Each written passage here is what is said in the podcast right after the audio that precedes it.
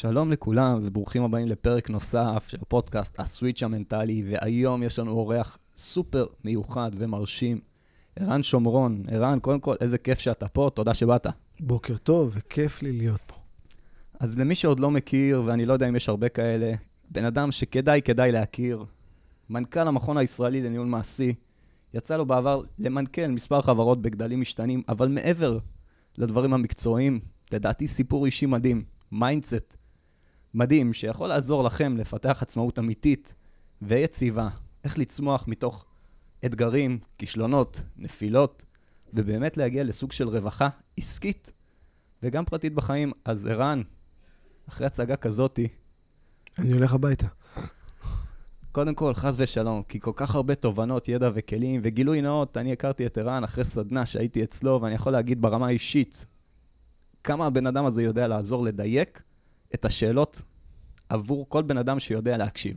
תודה. ובשביל זה אנחנו פה. אז ערן, לפני שנצלול, שאלה ראשונה שאני אוהב לשאול אנשים, מה זה הסוויץ' המנטלי עבורך? בדרך לפה אה, חשבתי הרבה על הסוויץ' המנטלי. הסוויץ' המנטלי עבורי זה היכולת לחיות באי-ודאות ולעשות שינויים ולהסתגל אליהם בצורה הכי מהירה שאפשר. עכשיו, כמו שאמרתי, בדרך לפה חשבתי על סוויצ'ים שהיו לי בחיים. המון המון, יותר ממה שדמיינתי. המון סוויצ'ים אה, מנטליים, חלקם כשהייתי צעיר יותר, חלקם כשאני בוגר. אבל בסוף זה היכולת אה, לקבל את מה שהעולם נותן לך, כשלא תכננת, לא כשתכננת, כשלא תכננת, ולהתמודד עם זה בצורה טובה. מדהים, אז אמרת יש הרבה דוגמאות, אבל בוא תן איזה דוגמה אחת לסוויץ' מנטלי שאתה חווית בחיים, שאפשר ללמוד ממנו. אמ, הסוויץ' המנטלי המפורסם, יש לי הרבה, כמו לכולנו, הרבה סוויצ'ים מנטליים. המלחמה האחרונה, חרבות ברזל, זה וואחד סוויץ' מנטלי. אבל אני דווקא רוצה לחזור ל... למקום אחר. אמ, כשאני הייתי בן 17, אה, הייתה לי חברה במשך כמה שנים, שמאוד מאוד אהבתי אותה. ויום אחד אה, נאלצנו להיפרד, כי אבא שלה לא הסכים שהיא תצא עם בחור מפרדס כץ. כי כל מי שגדל בפרדס כץ יהיה עבריין, יהיה נרקומן, אני לא, לא, לא יעשה כלום בחיים. ואני החלטתי לאזור אומץ. עד אז לא העזתי, הייתי ילד מאוד אה, אה, מופנם. לא העזתי לדבר בקול רם, בטח לא דיברתי עם אנשים שהיו מבוגרים ממני. באמת, זה דברים שהיום מי שמכיר אותי לא יכול לדמיין שזה קורה, אבל זה מה שהיה. ועזרתי אומץ לדבר איתו, ואני זוכר שניגשתי אליו הביתה, דפקתי על הדלת, אני עושה את זה קצר, אני לא אעריך את זה, אבל הוא פתח את הדלת והוא חייך, והייתי בטוח שהכל יהיה נהדר. ואז אמרתי לו, אמנון, אני מאוד אוהב את הבת שלך, בבקשה תסביר לי למה אתה לא מוכן שאנחנו נהיה ביחד, רק תסביר לי. והוא חייך, ואז החיוך הזה נהיה קצת מריר או ציני. הוא אמר לי משפט אחד, עוף לי מהעיניים, אני לא רוצה לראות אותך, לא יצא ממך כלום, ופאק, טרק לי את הדלת על הפנים. עכשיו, אני זוכר שברגע הראשון אני נעלבתי, אני נפגעתי, אני הייתי בשוק.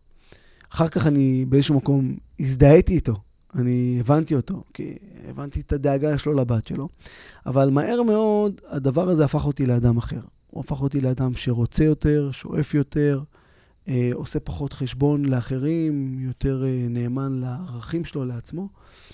והנה סוויץ', נכנס בן אדם מסוים לבניין, יצא בן אדם אחר. קודם כל זה מטורף, כי אתה מתאר פה נקודה שהרבה אנשים חווים בחיים. נקודה של תסכול, סתירה, וכולנו חוטפים סתירות. עכשיו, רוב האנשים, או לא רוב, חלק מהאנשים חוטפים סתירה, מה קורה להם? הם מתרסקים. מתרסקים, הולכים הביתה ובוכים. חלק חוטפים סתירה, ומה הם אומרים? אני יודע מה אני אומר תמיד. מה אני, כשאני חוטף סטירה, אני חושב איך אני קם הכי מהר, הכי חזק, ומרביץ חזר, חזרה לעולם, למה שזה יותר חזק. שם, במקרה הזה ספציפית, אני מתייחס לזה כנקודת מפנה חיובית. כי מאותו רגע, עד רגע מסוים, בשנת 2014, אני גם זוכר את הרגע שהתנתקתי מה, מהמחשבה, אבל תחשוב ילד בן 17, עד לבחור בן 39, תחשוב כמה שנים. הולך עם מחשבה, אני אראה לך שממני יצא משהו. זאת אומרת, איזה יכולת לשנות. זאת אומרת, בשנים הראשונות לא הבנתי את זה, זה היה איתי, אבל לא העזתי להגיד את זה בקול רם. היום אני מעז לומר את זה ואין לי בעיה עם זה. אבל הרבה מאוד אה, שנים אה, זה מה שהוביל אותי, זה מה שהניע אותי. אגב, זה מדהים, כי בסוף זה הרצון להוכיח. נכון, ההוכחה. נכון. וההוכחה זה כוח אדיר. אנחנו הרבה פעמים מדברים על, בוא נלך על מוטיבציה פנימית ודברים מסביב, אבל צריך לזכור, במוטיבציה יש לנו גם מוטיבציה חיצונית, של מה שאומר לנו, הפחד מ או הרצון ל. נכון. ואני לא אשכח, זה, זה מחזיר אותי, הנקודה שלך זורקת אותי למקום אחר, היה לנו איזה מבצע בצבא. ובדרך כלל במבצעים, מה קורה? אתה יוצא ומצליח. ופתאום היה מבצע אחד שלא הצלחנו.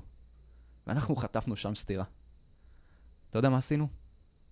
אמרנו, אין מצב שזה קורה שוב. ימות העולם לא יקרה שוב, אנחנו נוכיח לכל העולם שמה? שאנחנו יכולים. עבדנו קשה, חזרנו, עשינו, ומאז אותו סוויץ' מנטלי, כמו אצלך, במקום אחר, ואין לי ספק שאנשים פוגשים את זה בעסקים, בעבודה, בזוגיות, נכון. ואנחנו כל כך מורכבים מבין אישי שזה מטורף. עכשיו, זה סוויץ' אחד ש... שמישהו אומר לך משהו. האם יש עוד סוויצ'ים בחיים שפגשת? בלי סוף. ב-31 לאוגוסט הלכתי לבדיקה. אני אתן לך שני סוויצ'ים שקשורים אחד בתוך השני. אה, אני עושה, מי שמכיר אותי עושה מרתונים, אולטרה מרתון, איש ברזל, אה, על בסיס קבוע בשנים האחרונות. אה, רצתי למעלה מ-60 מרתונים, פחות או יותר. ובחודש מאי שעבר, במאי 2022, כבר זה עבר את זה שעבר, מאי 2022 עשיתי בדיקה רפואית שגרתית לחלוטין, כמו כל שנה, לראות שהלב במצב טוב. ואמרו לי שהכל בסדר, יש איזושהי בעיה קטנה, הם לא יודעים להגיד אותה, לא משהו רציני, אתה יכול להתאמן באופן חופשי, רק תעשה צנתור וירטואלי, רק כדי לוודא שבאמת הכל תקין. שאלתי, אני יכול, יש לי תחרות, איש ברזל, בוויטוריה, אמרו לי, אין בעיה, הכל בסדר. והייתי בוויטוריה בספרד ביולי 2022, יחד עם 14 מתאמנים שלי. וזו הייתה הפעם הראשונה שלא סיימתי תחרות של איש ברזל. שחיתי והיה נהדר, רכבתי בכיף, ליוויתי עם מתאמן שלי בן 60 שפחד לקבל אירוע לב, אז אה, רכבתי לידו ורצתי איתו והכל, ושרתי, הייתי ממש, הכל היה נהדר, הרגשתי מצוין, ופתאום הרגשתי כאילו מישהו מכבה אותי. מישהו לוחץ לי על כפתור מאחורה ואני לא יכול לרוץ. הדופק גבוה, אבל אני לא עייף, ולקח לי בערך שעה של התלבטות, אה, מה אתה עושה? ואז החלטתי לפרוש. עכשיו, צריך להבין, א', כול, כול, לכולנו יש אגו במידה כזאת או אחרת, מה יחשבו עליי אם הפסקתי תחרות באמצע. יותר מזה, יש לי מתאמנים על, על המסלול, הם יראו אותי מפסיק. עכשיו, בעבר היה לי מאוד קשה וכנראה שהייתי מתמיד, ופה האגו כבר לא, לא רלוונטי, אני, לא צריך, איך אמר, אני כבר לא צריך להוכיח כלום לאף אחד. אז הלכתי, פיניתי את עצמי, בדקו, ייחסתי את זה לזה שהיה מאוד מאוד חם, היה 37 מעלות, היו מאות של אנשים שהתעלפו, אז עוד אחד מתוך, אתה יודע, בכל זאת 12 וחצי שעות, 13 שעות על הרגליים, לא פשוט. וחודש אחרי זה, ב-31 לאוגוסט, הלכתי לעשות את הצנתור הווירטואלי. בדיקה רגילה, שגרתית, יש לי פגישה לפני, פגישה אחרי, ואני מסיים את הצנתור, והרופא אומר לי, הבחור שבודק את הבדיקה, אומר לי, ערן, הרופא רק יבוא להגיד לך שהכל בסדר ותלך. ואני מחכה, והרופא מגיע, אומר לי, ידידי, אתה מכאן טס לחדר אה, ניתוח לעשות צנתור, אתה חסום לגמרי, שלושה, ח, שלוש חסימות מוחלטות 100%, שלושה סטנטים אתה צריך מעכשיו לעכשיו, וזה בום. עכשיו, בן אדם שמתאמן, לא מעשן, אה, בכושר מטורף, מתוכנן לעשות תחרות אה, ממש בעוד אפצ'י וחצי, ופתאום הכל משתנה. ואני חושב שזה אחד הדברים שאני מאוד מאוד uh, רגוע לגביהם. אני ישר עושה, אוקיי, מה אני יכול, מה אני לא יכול, מה בשליטתי, מה לא בשליטתי. מה שבשליטתי, מעולה. מה שלא בשליטתי, לא בשליטתי, אז אני לא מוטרד בגללו. ואין לו עוד סוויץ'. מדהים. אגב, זה סוויץ' מטורף. מגג העולם, מאיירון מן, פתאום עורך הלב שלך חסום. כן. עכשיו, הסוויץ' התודעתי הזה זה מדהים, ואתה נגעת פה באיזה משפט שתפס אותי מעל הכל, לדעת מה בשליטתי ומה לא בשליטתי, אבל אמרת איזה משפט מקדים. ברגע שעברת מהשלב של להוכיח למצב של לשחרר, זה מאפשר לנו להגיע לשליטה הרבה יותר טובה. אז קודם כל, זה, זה עוד איזה סוויץ' מדהים, וזה כיף לשמוע. ומפה אני רוצה לעשות איזה זום אאוט שנייה אחת, בשביל המאזינים. ובוא תספר לנו איך התגלגלת היום, בעצם אתה ממנכ"ל את המכון הישראלי לניהול מעשי. לא נולדים ככה. מה השלבים שעברת בחיים? מה עיצב אותך? ואחרי זה אנחנו נעבור גם לטיפים לאנשים שרוצים לעצב את הנתיב שלהם בצורה הטובה ביותר. תראה, אני חושב שהכל עיצב אותי, הכל. אין אה, נקודה בחיים. היא מעצבת, כל, כל אדם מתעצב, אם, אם הוא אדם אה, מפותח, ורובנו מפותחים, ואם אנחנו אדם, אנשים לומדים, ואנחנו מסתכלים על החיים שלנו, אני קורא לזה במבט צופה. זאת אומרת, לא להיות כאן ועכשיו, אלא הרבה פעמים לעצור לרגע, ולהסתכל על הסיטואציה מהצד, על הדברים שאנחנו חווים. אז אה, אני חושב שכל דבר בחיים עיצב אותי. אה, הילדות שלי עיצבה אותי. אה, האנשים, הבן אדם שהיה הכי משמעותי בחיי היה סבא שלי, שבגיל עשר אמר לי שאכזבתי אותו לגבי משהו, ואני חושב שעד היום אני, כאילו, אני זוכר את האירוע הזה, זאת אומרת, אני זוכר את זה, שאכזבתי אותו. כל פעם שקיבלתי מכות והייתי הולך לאבא שלי ואומר לו, אבא, הרביצו לי והוא היה מוריד לי סטירה, למה אתה הולך מכות? זה עיצב אותי. אה, אה, כיתה A, אני אמור לקבל מצטיין, והם נותנים את המצטיין למישהו אחר כדי לעודד אותו, זה עיצב אותי. זאת אומרת, אני מבחינתי, כל אירוע בחיים הוא לא קורה לך, אלא הוא קורה בשבילך. ואני שואל את עצמי, אוקיי, מה אני לוקח, מה אני לומד? אז, אז, אז המון המון דברים, וגם כל העולם הזה שהתגלגלתי אליו לניהול, אני, התפקיד הניהולי הראשון האמיתי שקיבלתי היה בגיל 26. קיבלתי את יחידת האבטחה של מתקני משרד הביטחון, לנהל אותה, 600 עובדים בפריסה ארצית. ואני לא ידעתי כלום, לא ידעתי כלום על ניהול, ואני זוכר את עצמי הולך למי שהיה אחראי עליי, בחור בשם יוסי נגר, אמרתי לו, יוסי, תסביר לי איפה המדריך. אמר לי, איזה מדריך? אמרתי לו, המדריך הזה שמלמד איך מנהלים. הוא אומר לי, למה אתה מתכוון? איך מראיינים עובדים? איך מנהיגים עובדים? איך מגדירים בקרות, דוחות? אני לא יודע כלום על ניהול. אני יודע מהצבא, לדבר מהדרגות, אבל אני לא יודע לנהל אנשים. כאילו, איך עושים את זה? הוא אמר, אין כזה מדריך, תכתוב אותו אתה. ואני אחרי שעתיים קיבלתי את הסטירה הראשונה מהעובדים שעשו לי שביתה איטלקית במשרד הביטחון, כי הם רצו העלאה במשכורת, ולא היו לי את הכלים ולא היה לי איך להתמודד עם זה. אז הכל היה ניסוי וטעייה כזה. ואחרי חצי שנה פיטרו אותי ובעטו אותי לכל הרוחות ונכשלתי. ואז הלכתי לתפקיד השני שלי, מנהל יחידת אבטחה של מתקני מס... אה, של רכבת ישראל. ושוב פעם, יחידה ענקית, 500 עובדים. ואתה עדיין בא עם הכלים של הצבא, מהדרגות. ו- ו- והדברים עובדים אחרת, זה לא עובד כמו בצבא, אתה אומר, ואנשים לא עושים. ו- ו- אז זה, וגם שם, אחרי שנה וחצי, נכשלתי. ועוד שיעור. ו- ושיעור שיוסי נגר אמר לי, אה, נתן לי שיעור חשוב, אמר לי, ערן, חשוב שעבודה לא רק תיראה, סליחה, לא רק תיעשה, היא גם חשוב שהיא תיראה, שאנשים יראו מה אתה עושה, או שהוא לימד אותי, תפסיק לדבר בשפת האם, תדבר בשפת האש. תראה כמה שיעורים קטנים, אבל אני גם זוכר אותם. אני כל שיעור כזה זוכר. אני כאילו אה, מכניס אחורה לאיזושהי מגירה דמיונית, מקטלג אותה, ואני יודע להוציא אותם. אני קורא המון, והספרים שלי נראים כמו איזושהי, הם ממורקרים הכל, ואני לוקח ואני ישר שואל, אוקיי, איפה זה פוגש אותי? אני סתם דוגמה, הייתי לפני יומיים בהרצאה על AI, ועל ההשפעה של AI על העולם שלנו. ויצאתי משם ואמרתי למירי, מירי, את קולטת שאנחנו יותר לא צריכים לצלם סרטונים? כאילו, יש לנו אלפי סרטונים שלי, רק צריך לשנות את השפתיים, ויאללה, לא צריך לזוז. חסכנו שעות רבות של אולפנים, כאילו, עזוב את הכסף, את הזמן. אני כל הזמן שואל, כל שיעור, ואני אני לומד מהמון אנשים. אה, שאלת אותי באיזשהו מסמך ששלחת לי, מי המנטורים שלי. והכי מצחיק, המנטורים שלי זה הילדים שלי. יש לי חמישה ילדים, כל אחד מהם, ש... מהם הוא מנטור עבורי במשהו אחר לגמרי. ואני לומד מהם המון, כל יום, דברים חדשים. ו... אז זה לקחת את הדברים הקטנים האלה ולהפוך אותם לשיעורים בחיים. אגב, זה מדהים מה שאתה אומר, כי בסוף אתה נותן פה תמה מטורפת של איך לעבור, איך להפוך אתגר להזדמנות. ובשביל זה אתה נתת פה שתי טיפים, מה זה פרקטיים, חבל על הזמן. אחד, זה להתבונן מהצד. שנייה, לעצור ולצאת. כי כשאנחנו בתוך הסיטואציה, בעין הסערה, סערת רגשות. אי אפשר, כי אז זה איום על עצמי. אם לא הצלחתי, נכשלתי. עכשיו, המילה נכשלתי זה מילה שאני לפעמים נזהר איתה. כי לא כולם יודעים להכיל אותה. אני לא אשכח אורן סמאג'ה, שמאמן נבחרת ישראל בג'ודו. חזרו מאולימפיאדת טוקיו 2021 במקום 20, ושאלו אותו, האם הנבחרת בג'ודו הצליחה להביא הישג קבוצתי בגלל שהם נכשלו באישי?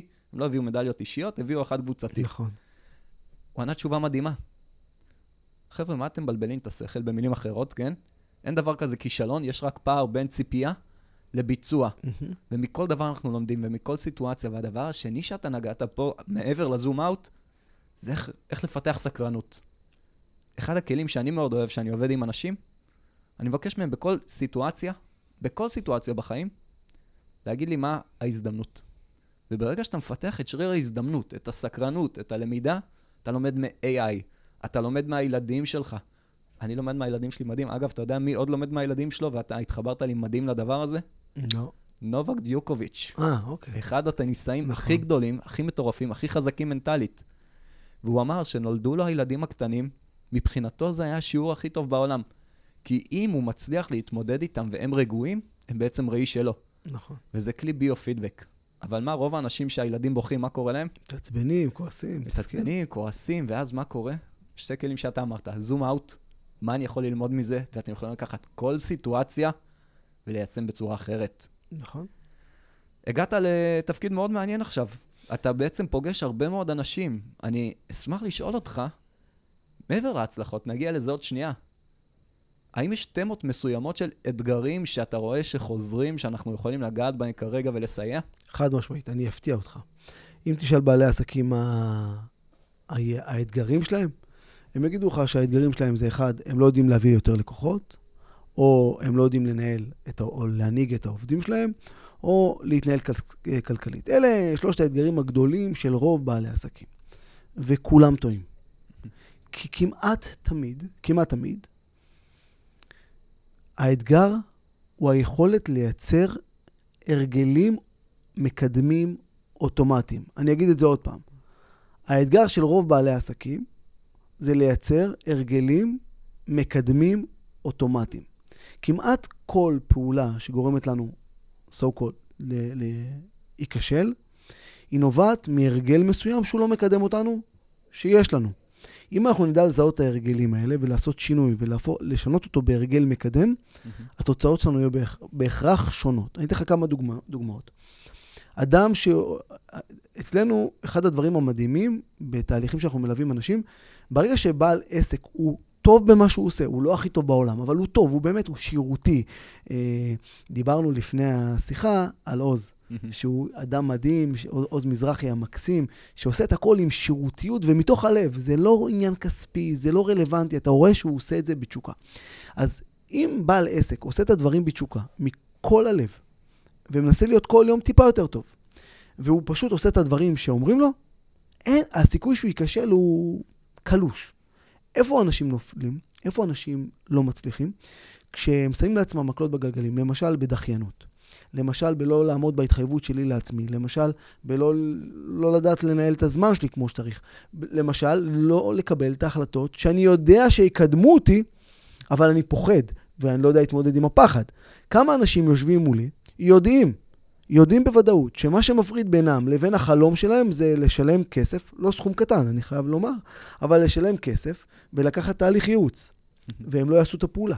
ותמיד אני אומר להם, אל תיקח אותי. לך קח יועץ עסקי אחר. אתה, הרי ברור לך שאתה תקוע, וברור לך שאתה צריך מישהו שייתן לך כלים. עזוב אותי, אני, שים אותי בצד. יש מיליון כלים יותר יקרים, יותר זולים ממני. לך תיקח כלי שיעזור לך. ואין להם את האומץ לעשות את זה. אם אדם מצליח לעשות שינוי ולשים לעצמו הרגלים מקדמים אוטומטיים, בלי לחשוב, אז המ- הוא לוקח את עצמו למקומות אחרים. מי שעוד לא מכיר, ספר שהוא חובה בנושא הזה, הרגלים אטומיים. הרגלים אטומיים של ג'יימס קליר. אני מבקש מכל מי שמאזין, תסיימו את הפרק, הכל טוב ויפה, לכו, תאזינו לספר הזה חינם בספוטיפיי באנגלית בנסיעה למי שרוצה, תקנו אותו, תעברו והוא גם בעברית, מי שרוצה. גם בעברית, לגמרי, הוא קיים בעברית, ישר יקפצו עליי כל מי שלא רוצה לקרוא באנגלית.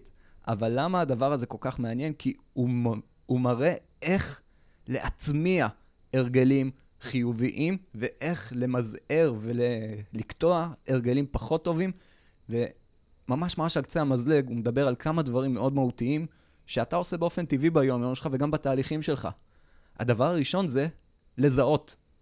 כי אם אתה לא מזהה את ההרגל, אתה לא מזהה את הדחיינות. לדוגמה, אני יודע שיש לי דחיינות בבוקר עד שעה תשע. משעה תשע אני בזמנים טובים. אם אני לא יודע לזהות את זה, אני לא יודע לשנות את זה. נכון. דבר שני, להתחיל לקדם הרגלים חיוביים, ודבר שלישי, לעגן אותם בדברים ביום. כי אם אנחנו לא מעגנים את ההרגלים שאנחנו רוצים לייצר, מאוד מאוד קשה, כי זה דורש אנרגיה. מאוד קשה להיות נחוש. נכון. מאוד קשה לנהל זמן. מאוד קשה לג'נגל בין דברים ולהגיד זה כן וזה לא. זה גם נכנס לאספקטים של מהותיות. כי האתגרים שאתה מתאר הם הרבה הרבה יותר גדולים. עכשיו, אני אשאל אותך, מה שצופה או מאזין ממוצע היה שואל, אבל איך אפשר לעשות את זה בזמן מלחמה שהראש שלנו נמצא בכל מקום חוץ מכאן? לפני שאני אענה על זה, אני חייב, כי אתה דיברת על הספר רגלים האטומיים, יש ספר אחד לפניו. מרשל גולדסמית, נכון. אחד המנטורים שאני מאוד מעריך, כתב את טריגרים, והוא מדבר על הטריגר שגורם לך להתנהג כמו שאתה מתנהג, ספר מדהים, אז עוד המלצה. יש מלא מה לקרוא. אז זה לגבי זה. איך הם מתמודדים עם מלחמה ואיך... אה, תראה, אני עוד פעם, אני מאמין שמה שבשליטתי, בשליטתי, ומה שלא בשליטתי, לא בשליטתי. וזה, יש, יש לי כמה, כמה מושגים, אני כמו, לפעמים כמו אדם, כמו סוס עיוור. שם לעצמי כמה אה, אה, מוטואים, כמה משפטים, אמיתות, אמיתות עבורי, וזה מה שמוביל אותי. אני, אחת, יש לי אמת שאומרת שכל יום הוא היום האחרון בחיי. זאת אמת. אני קם היום בבוקר, אני לא יודע מה יקרה מחר, אני באמת לא יודע. מבחינתי היום זה היום האחרון בחיי, ככה אני חי. אז אני חייב לדבר עם כל אחד מהילדים שלי, כדי להגיד לו שאני אוהב אותו, היום, כי לך תדע מה יהיה מחר. וככה, זה מה שמוביל אותי. ואני משתדל להיות עם לב הכי גדול שאני יכול כלפי הלקוחות שלי, כי זה היום האחרון בחיי, וכל יום ללמוד משהו ולהתקדם, כי זה היום האחרון בחיי. אז זה מוטו. אז זה בשליטתי. ויש דברים שלא בשליטתי. לצערי, המלחמה היא לא בשליטתנו. וההפך, ככל שאני מתעסק יותר בדברים שלא בשליטתי, ככל שאני צופה יותר בחדשות, ככל שאני רואה מה קורה, הדבר הזה משפיע עליי ולוקח אותי למקומות שמקשים עליי להתמודד עם, עם המציאות הזאת. ולכן, אחד הדברים הראשונים שעשיתי כשפרצה המלחמה, זה פשוט להתנתק מהחדשות. אתה חייב לדעת מה קורה, אבל אתה לא יכול להיות בתוך הדבר, בתוך הסיטואציה. אז הגדרתי לעצמי שאני רואה חדשות בבוקר עם שעון מעורר, חמש דקות. בצהריים, חמש דקות, בערב עשר דקות עם שעון מעורר. למה? כדי להפסיק, כי אחרת אתה נגרר. אני מת על השעון מעורר. אגב, זה כלי שאני משתמש בו גם. נכון. אני יודע שבהפסקת צהריים, ערן, אל תכעס עליי בתור בן אדם קשוח, בהפסקת צהריים אני אוהב לראות טלוויזיה. 20 דקות אני אוכל, רואה טלוויזיה, זה הבריחה שלי, אני יודע שזה עושה לי טוב, אבל מאוד מאוד בקלות, מה יכול לקרות? ה-20 דקות הופכות לשעתיים. נכון, נכון. שעון מעורר. נכון. שעון מעורר בבוקר, מי שקשה לו לקום, שים אותו טיפה רחוק מהמיטה. כשאני יושב בפגישות, זה לא בושה. חבר'ה, יש לי 15 דקות, שם שעון מעורר, 15 דקות, זה מה שיש לנו. נכון. להשתמש בכלים חיצוניים, בעוגנים, זה דבר מדהים. עכשיו, נכון. בפרקים הקודמים, ברעיונות הקודמים, דיברנו על, במרכאות, משפטים, קלישאות, איך שלא נקרא לזה, יש בזה דבר מאוד מאוד פשוט, כי זה מקנה ביטחון. וברגע שיש לי משפט ברור, בראש, בלב, הכל הופך להיות יותר פשוט ובשליטה. נכון. אני רק אגיד בזהירות עם היום האחרון, אני מאוד אוהב את הגישה הזאת. אבל בשביל הגישה הזאת אנחנו חייבים להיות מספיק חזקים בלב ולדעת מה המטרה שלנו ומה אנחנו רוצים להשיג. כי אנשים שעדיין נמצאים בשלב שהם עוד לא יודעים מה הם רוצים לעשות בחיים, הם עדיין מחפשים, אין להם מספיק ביטחון, אין להם מספיק יציבות פנימית, יכול לעורר חרדה וחשש. להפך, אנחנו אומרים את זה מהמקום של אופטימיות, בוודאי. של תקווה ושל צמ- צמיחה. לא, אמרתי לך, אני מתכנן לחיות עד גיל 120. כל Mhm. עוד ש- אני מתכנן עד גיל 120, יודע, לוקח בחשבון שזה יכול, יכול להיות שלא. אבל, אבל אני, כשאני אומר יום אחרון, לא, מה, לא מהמקום של פחד, אלא מקום של להיות כאן ועכשיו. ואתה יודע, זרקת ככה בלי לשים לב, ואומרים לי את זה אנשים שמכירים אותי, אתה קשוח. אני באמת, באמת לא מרגיש קשוח. אני, אני, והרבה פעמים אני שוכח להסביר את זה. אני מאמין שכל אדם יש לו מבנה אישיות אחר, עם יכולות אחרות, עם דרישות אחרות, עם צרכים אחרים, וזה בסדר גמור. אחד הדברים שאני מנסה לחזור עליהם כמה שיותר בסדנאות שלנו, אתם לא אשמים, אתם לא אשמים, זה אתם, וזה בסדר גמור, וזה מה שיפה בכם. קחו את האתם, ואם אתם אוהבים אותו, אל תיגעו בו, תשאירו אותו כמו שהוא. אם אתם רוצים לשנות, רק אם אתם רוצים, אז תשנו. תשאלו את, את עצמכם מה אתם רוצים, ותשנו. אה, הבת שלי, כשהייתה צעירה, היא עדיין צעירה, אבל כשהייתה יותר צעירה, היא סבלה מעודף משקל. והרבה מאוד אנשים אמרו לי, תגיד לי, אתה עושה ספורט ומקפיד על תזונה ו... ו... ו... לא מפריע לך שהבת שלך סובלת מעודף משקל? אמרתי, חבר'ה, לא מעניין אותי, אני, היא הבת שלי. אני אוהב אותה איך שהיא, ולא משנה איך שהיא תהיה. מסריחה, לא מסריחה, רזה, שמנה, זה לא, לא רלוונטי. אני אוהב אותה, היא הבת שלי, חלק בלתי נפרד ממני, כמו שאני אוהב את עצמי. וכשהיא תרצה לעשות שינוי, אם היא תרצה, אם היא תרצה, אני אהיה שם בשבילה ואני אעזור לה, אבל בעיניי, אנחנו צריכים לאהוב את עצמנו, קודם כל כמו שאנחנו. אתה דיברת על התיאום ציפיות של אורנס מנג'ה, זה בדיוק העניין. אם יש לך מתח, אם אתה מרגיש שאתה הולך בעולם עם מתח בין הציפיות שלך לבין מה שקורה בפועל, תשאל את עצמך, מה יוצר את הפער הזה? מה יוצר את המתח הזה? ותסגור אותו. עכשיו, לפעמים זה לוקח יום, ולפעמים לא, לפעמים זה ייקח לך שנים, אבל כל פעם תנסה לסגור את הפער הזה. זה, זה העניין. זה מדהים, זה שתי דברים שמתחברים כל כך כל כך יפה, כי בפרק הקודם ראיינתי את ליאן ורקר, מנכ"לית מכון אדלר לשעבר, ודיברנו על איך לאהוב את עצמנו ולחזור למי שאני רוצה להיות, כי לפעמים בחיים אנחנו נזרקים ימינה ושמאלה, אבל אנחנו מרגישים את האי-נוחות הזאת. והאי-נוחות הזאת היא סממן אם אנחנו יודעים לזהות אותו. ואתה אמרת עוד משהו לפני זה, שמבחינתי, אני גם מעביר בסדנאות, זה, זה משפט שטבוע אצלי חזק. אתם לא אשמים, אבל אתם אחראים. נכון. החצי השני לא פחות חשוב. אתם לא אשמים, חבר'ה. אתה לא, אתה לא בחרת למי, אתה לא בחרת לבוא לעולם. הונחתת לתוך העולם. העולם משוגע, לא בחרת את ה-DNA. לא בחרת את הנקודת התחלה שלך אם נולדת בפרדס כץ או נולדת בסביון. אבל מה? מגרש משחקים פתוח. נכון. אתה אחראי לסגור את הפער שנמצא בפנים, וזה בשליטתנו. נכון. יותר מזה אני אגיד לך, לא רק שזה לא בעיה, איפה שנולדת או הקלפים שקיבלת. כל מה שקיבלת זה בשבילך. הזדמנות. זה, אתה קורא לזה הזדמנות, כן. אני טוען שזה בשבילך, זה מה שיבנה אותך. זאת אומרת, אני... אה, האם עובר לי בראש מה היה קורה אם הייתי נולד בכפר שמריהו? לפעמים, אבל יכול להיות שזה היה הופך אותי לאדם רך יותר, עדין יותר, אה, עם קושי גדול יותר להתמודד עם אתגרים. אני, אז אני אומר, כל מה שאני מקבל, אני, אני מתפלל כל בוקר. אני לא מניח תפילין, אני כל בוקר מדבר עם, עם היקום, עם אלוהים, ואני אומר תודה על מה שאתה נותן לי וכל מה שאתה עושה לי. זאת אומרת, זה כל בוקר, זה במודה אני. כל מה שאתה נותן לי וכל מה שאתה עושה לי. כי לפעמים אני אומר, למה אתה עושה לי את זה? יש ימים כאלה שאתה מרגיש שהקדוש ברוך הוא יושב עם נבוט, וכל שנייה נותן לך מכה. קורונה, חרבות ברזל. כן, לא, יש גם יש ימים מסוימים שאתה בא, אתה יודע, אתה מתכנן. יש לך חמש משימות, וכל המשימות קורסות. ודרך אגב, היה לי יום קשה כזה, ומירי רואה אותי צוחק, צוחק. אמרתי לי, מה קרה? למה אתה צוחק? אמרתי לה, יותר גרוע מזה לא יכול להיות. אז זה יום שאני אומר, אתה עושה לי. אוקיי, אבל גם על זה אני אומר תודה. אני לא מבין את זה, אני לא, אומר, שיהיה ברור. אני לא חי על ענן ואני לא עושה סמים, ואני לא אומר כל סתירה, איזה כיף, איזה כיף. זה לא מפה, זה מתוך הבנה שאני לא תמיד מבין בזמן אמת למה דברים קורים לי. אני, אבל בפרספקטיבה, לאחור מתחיל להבין את הדברים לעומק. הדבר הזה הוא מדהים, כי מעל הכל אני שומע פה איזה אלמנט של אמונה. אמונה, אני יודע שיהיה בסדר. אמונה, אני יודע שזה חלק מתהליך. ואמונה זה אחד הכלים הכי חזקים להתמודדות. אין בעל עסק שמקים עסק ולא מאמין שהוא יכול להצליח, כי אחרת אין לו מה לחפש. אין, אתה לא תתחיל עם מישהי להקים תא משפחתי אם לא תאמין שזה זה. אתה לא תעשה שום דבר בלי אמונה, אבל לפעמים באורח החיים המודרני, האמונה שלנו מתערערת מאוד בקלות. והדבר הזה הוא מעניין, ונתת פה כלי מדהים, וזה הוקרת תודה. תודה על הדברים בדרך, תודה על הדברים. אגב, אשתי ואני מוסיפים עוד משהו להוקרת תודה שלנו. תודה על מה שיש, ותודה על מה שאין. נכון, נכון.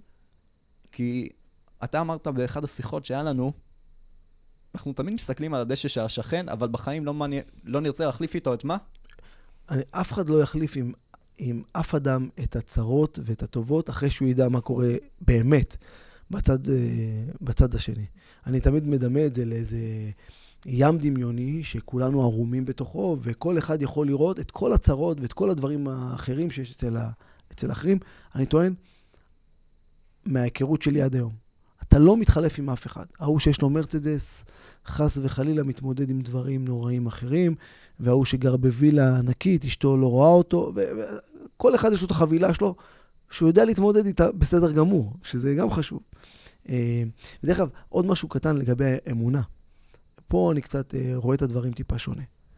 אתה אמרת, כל אחד, כל בעל עסק מאמין בעצמו. במידה כזאת או ב- אחרת. אז הבעיה היא, זה ה... במידה אחרת. אם האמונה הייתה מלאה, אתה יודע, אני קורא לזה מענק ערן שומרון.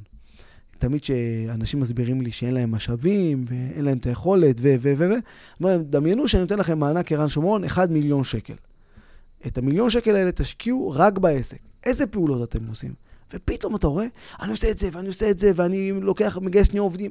הכל ברור להם פתאום, כי זה לא כסף שלהם. עכשיו, ואז אני שואל, ברור לכם שכשאני אתן לכם את המיליון שקל, העסק שלכם יעוף קדימה? בטח שזה ברור לנו. אז למה אתה לא לוקח את המיליון שקל מהבנק? למה אתה לא מתחייב? או למה אתה לא מתחיל לפעול עם 100 אלף שקל? ואז פתאום יש שקט. ואז אני מדבר, ואז אני אומר, אוקיי, בואו נדבר עכשיו על אמונה. אמ- ואתה היית בסדנה שלי. זה אחד הדברים שאני מדבר עליו הרבה, על, ה, על הקטע של להאמין. כי יושבים שני בעלי עסקים. אחד מאמין שהוא יכול להביא עשרת אלפים שקל בחודש, ואחד מאמין במיליון אחוז, אותו עסק, אותו אדם, אותו גיל, אותה יכולת, אני יכול להביא מיליון שקל. שני אנשים דומים, אבל צורת החשיבה, האמונה היא שונה, ואז גם הפעולות הן שונות לחלוטין. לגמרי. עכשיו, אני מניח שיש אנשים שמאזינים לנו והם יושבים במשרה כזאת או אחרת, חלקם שכירים, חלקם עצמאיים. קודם כל, האם אתה ממליץ על עצמאות? האם זה מתאים לכל אחד? ושאלת המשך, לאלה שכרגע שכירים ומפנטזים על העצמאות, מה היית ממליץ מבחינת הדרך בשביל להימנע מטעויות שאתה נחשף אליהן? א', אני טוען שלא כל אחד צריך להיות עצמאי. עצמאי זה להיות צייד, זה לצאת למלחמה כל יום. כל בוקר לצאת למלחמה לא פשוטה. ואם אתה לא בנוי, מעולה.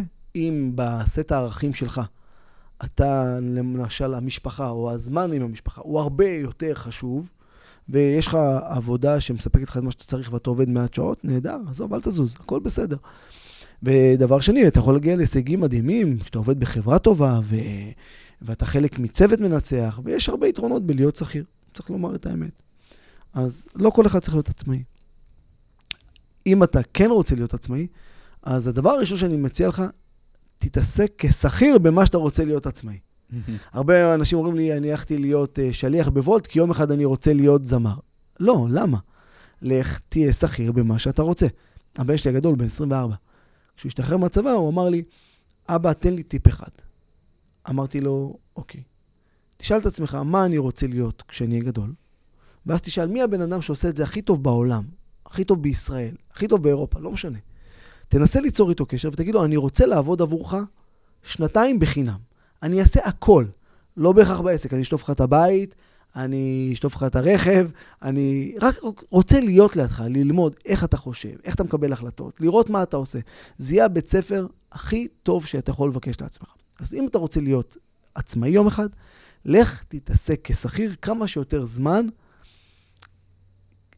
במקצוע שאתה עושה. למעשה אתה תרוויח את כל הטעויות על חשבון מישהו אחר, שהוא הוא עצמאי. וואלה, איזה טיפ מדהים זה, זה טיפ שאני מאוד מאוד אוהב, אני מדבר עליו גם הרבה.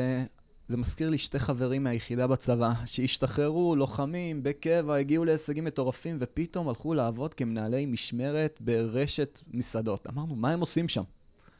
אמרו לנו, עזבו, יש לנו תוכנית. שנתיים הם עבדו שם. למדו את העסק מאלף עד תף, פתחו שלוש סניפים, שלושה סניפים שלהם, אולי כבר ארבעה, אני לא יודע, שתיים באירופה. עפו באוויר, ופתאום נפל לנו האסימון בדיעבד. כי אתה לא רואה, אתה דיברת מקודם על חוק, הכל יום קצת יותר, יש את חוק האחוז מהספר הרגלים אטומיים. אם כל יום אנחנו ניתן אחוז אחד יותר, בשנה אנחנו עולים פי 37. נכון. אבל אם כל יום אחוז אחד פחות, אנחנו מגיעים כמעט לאפס. והקצת יותר הזה, זה מי מוכן להשקיע בהתחלה ולכתת רגליים בשביל הטווח הארוך. נכון, נכון, חד משמעית. אז זה טיפ מדהים, וזה גם מתחבר למי היו המנטורים שלך, כי בסוף גם אתה בטוח למדת ממישהו, אז ציינת את, ה... את רז.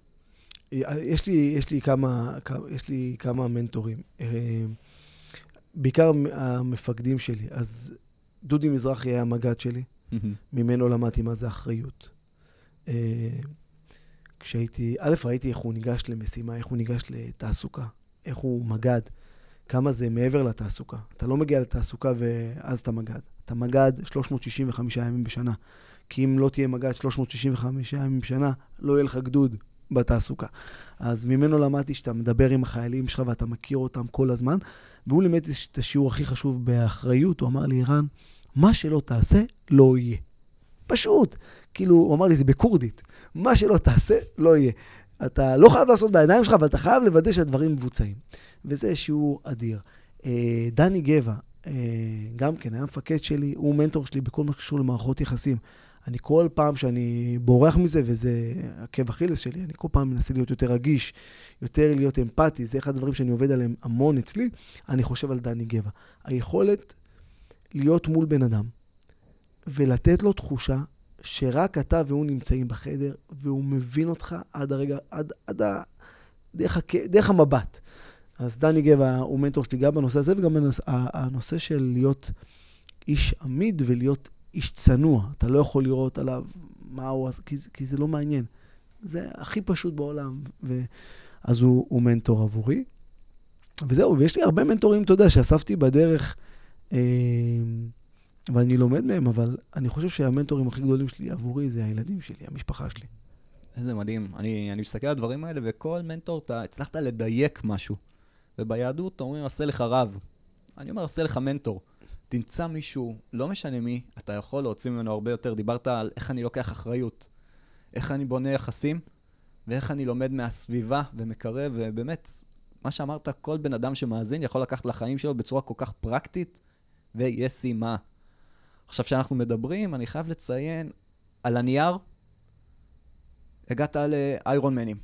מין קלט החברות, עשית דברים, ותוך כדי שיחה עכשיו אנחנו מדברים על כמה סתירות חוטפים בחיים. נכון. ואני חושב שזה אחד הדברים הכי יפים שאפשר לשקף, כי אנשים, מה הם רואים? רואים הצלחות. לא רואים בעיות, לא רואים קשיים, לא רואים כישלונות, ו...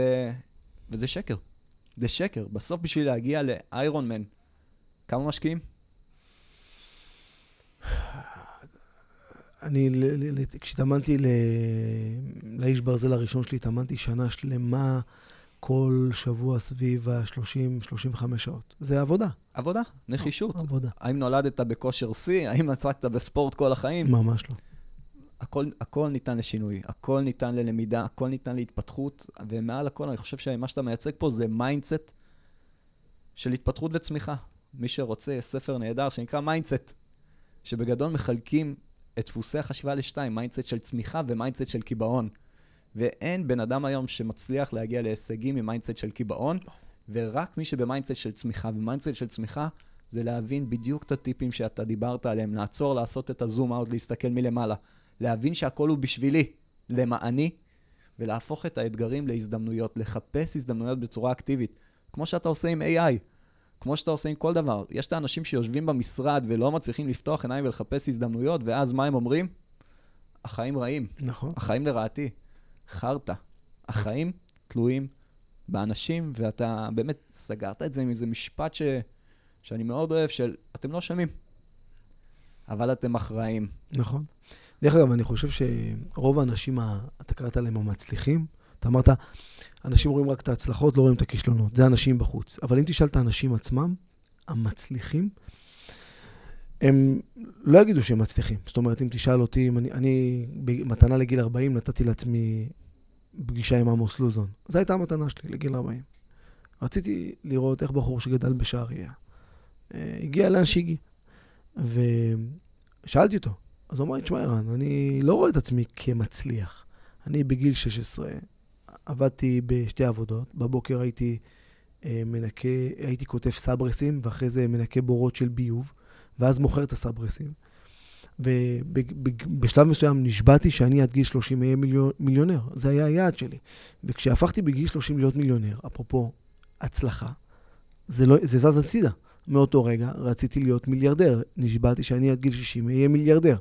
זאת אומרת, אדם שהוא מתפתח והגיע, לא משנה לאן הגיע, מבחינתו זה עוד מדרגה בשלב של ה... לקראת השלב הבא. החוכמה היא, וזאת החוכמה, לא להיות מתוסכל כל הזמן, אלא לדעת ליהנות מההישגים שלך, להגיד, עשיתי, איזה כיף. אפילו לטפוח לעצמך על השכם, להגיד שאפו, אוקיי, עכשיו, מה עכשיו? אבל לא, לא מתוך תסכול, מתוך אה, שאיפה קדימה. מדהים. אני חושב שה mindset של צמיחה שתיארת כל כך יפה, זה משהו שאני מאחל לכל בן אדם, כי אנחנו נתמודד יותר טוב עם המלחמה, נכון. עם המאבקים הפנימיים בחברה שהם מיותרים לגמרי, כי נצא החוצה ונראה, בגידול משפחה, בהקמת עסק, בניהול עסק ובהתפתחות. אז לפני שנתחיל לארוז את הכל, ואני חייב לציין שבאמת אם היה לי זמן, ואם ה... היינו שמים פודקאסטים ארוכים יותר, הייתי מזמין אותך למפגש של שעתיים-שלוש. אבל במסגרת זמן המאוד מאוד ממוקדת, לפני שנארוז, האם יש לך עוד איזה טיפ מרכזי, מסר, משהו לאנשים שמאזינים? איך עוד אפשר להיעזר בך? מה אתה יכול לתת פה לפני שאנחנו סוגרים? אני מאמין שאדם צריך לעשות מה שהוא אוהב ומה שהוא טוב בו. זה דבר ראשון, זה טיפ ראשון. שאלת mm-hmm. טיפים, הנה טיפ ראשון. זה נשמע פשטני, אבל זה מאוד עמוק. דבר שני, אתה עושה משהו, תעשה אותו הכי טוב שאתה יכול. לא הכי טוב בעולם, את הכי טוב שאתה יכול במסגרת האילוצים שיש לך. זה מעל, מעל ומעבר. אה, דבר שלישי, תנסה, תנסה להיות בן אדם. דרך אגב, כל מה שאני אומר כאן, זה לא בתור מנטור או בתור איזה קואוצ'ר או משהו כזה, אני לא קואוצ'ר. אלא אני אומר את זה קודם כל לעצמי. זה לדברים שאני אומר, אומר לעצמי. אה, תנסה להיות אדם יותר טוב. תודה. כל יום תודה ל... ל... למה שקורה, למי שקורה, למי שאתה פוגש בדרך. תגיד פשוט תודה. ודבר אחרון, תזכור שהעולם הוא בהתאם למשקפיים שאתה שם בבוקר. אם אתה שם את המשקפיים שהעולם הוא עולם חרא ודפוק, אז העולם הוא חרא ודפוק וכולם אנשים רעים ורוצים לדפוק אותך. ואם אתה שם את המשקפיים שהעולם הוא עולם יפה ואנשים טובים ורוצים לעזור, אז העולם הוא כזה. אני, אנחנו עושים סדנאות, אנחנו עוזרים לבעלי עסקים להקים עסק שעובד איתם ובלעדיהם. זה, זה המומחיות שלי. ואנחנו, אני, אתה מכיר את זה, מי שעוקב אחרי יודע, אני מעלה המון המון סרטונים, המון ערך. ולפעמים אני מקבל תגובות, בגלל אנשים כמוך, כולם רוצים להרוויח מהר, בגלל אנשים כמוך, מנהלים מתייחסים לעובדים כעבדים. ואני הולך ומסתכל על הסרטון, לראות האם אמרתי משהו שקשור איכשהו לזה. ונשבע לך, כל מי שמכיר אותי יודע. שאני אומר, מי שחושב שיה, שהוא יגיע לסדנה ואחרי יום או יומיים הוא יצא עשיר, אני אומר, לא, אל תבוא, זה לא, זה, זה לא השיעור. אני אומר, אתה בא לדרך ארוכה. להקים עסק זה עשר, אם זה יקרה בן לילה זה חמש שנים, אם זה יקרה מהר מאוד זה עשר שנים, חמש עשרה שנה פחות או יותר, זה הזמנים. אנשים רואים את מה שהם רוצים דרך המשקפיים שלהם, ואז הם מוצאים את כל הרוע, לפעמים, לפעמים את הדברים הטובים. אז אני לא אלוף, לכל אלה שאומרים, איזה אלוף עולם ואיזה מדהים אתה. לא, אני לא אלוף, אני בן אדם. ואני לא חרא של בן אדם, אני בן אדם, זה אני. זהו, שימו את המשקפיים הנכונים. איזה מדהים. תראה, אין לי איך לסכם יותר טוב מאשר מה שאמרת עכשיו, לשים את המשקפיים, לאהוב את מה שאתם עושים, מה שעושים לעשות עד הסוף, להשתדל להיות אנשים יותר טובים, ואני ברמה האישית סופר נהניתי איתך, אני מקווה שמי שהאזין ונשאר עד פה, ים של כלים. ים של ערך, ומוזמנים כמובן לעקוב. ערן, אני באופן אישי גם עוקב, נהנה מאוד מהערך, מהתוכן ומכל מה שאתה מייצר. תודה רבה. תודה רבה. שיהיה יום טוב. יום מדהים.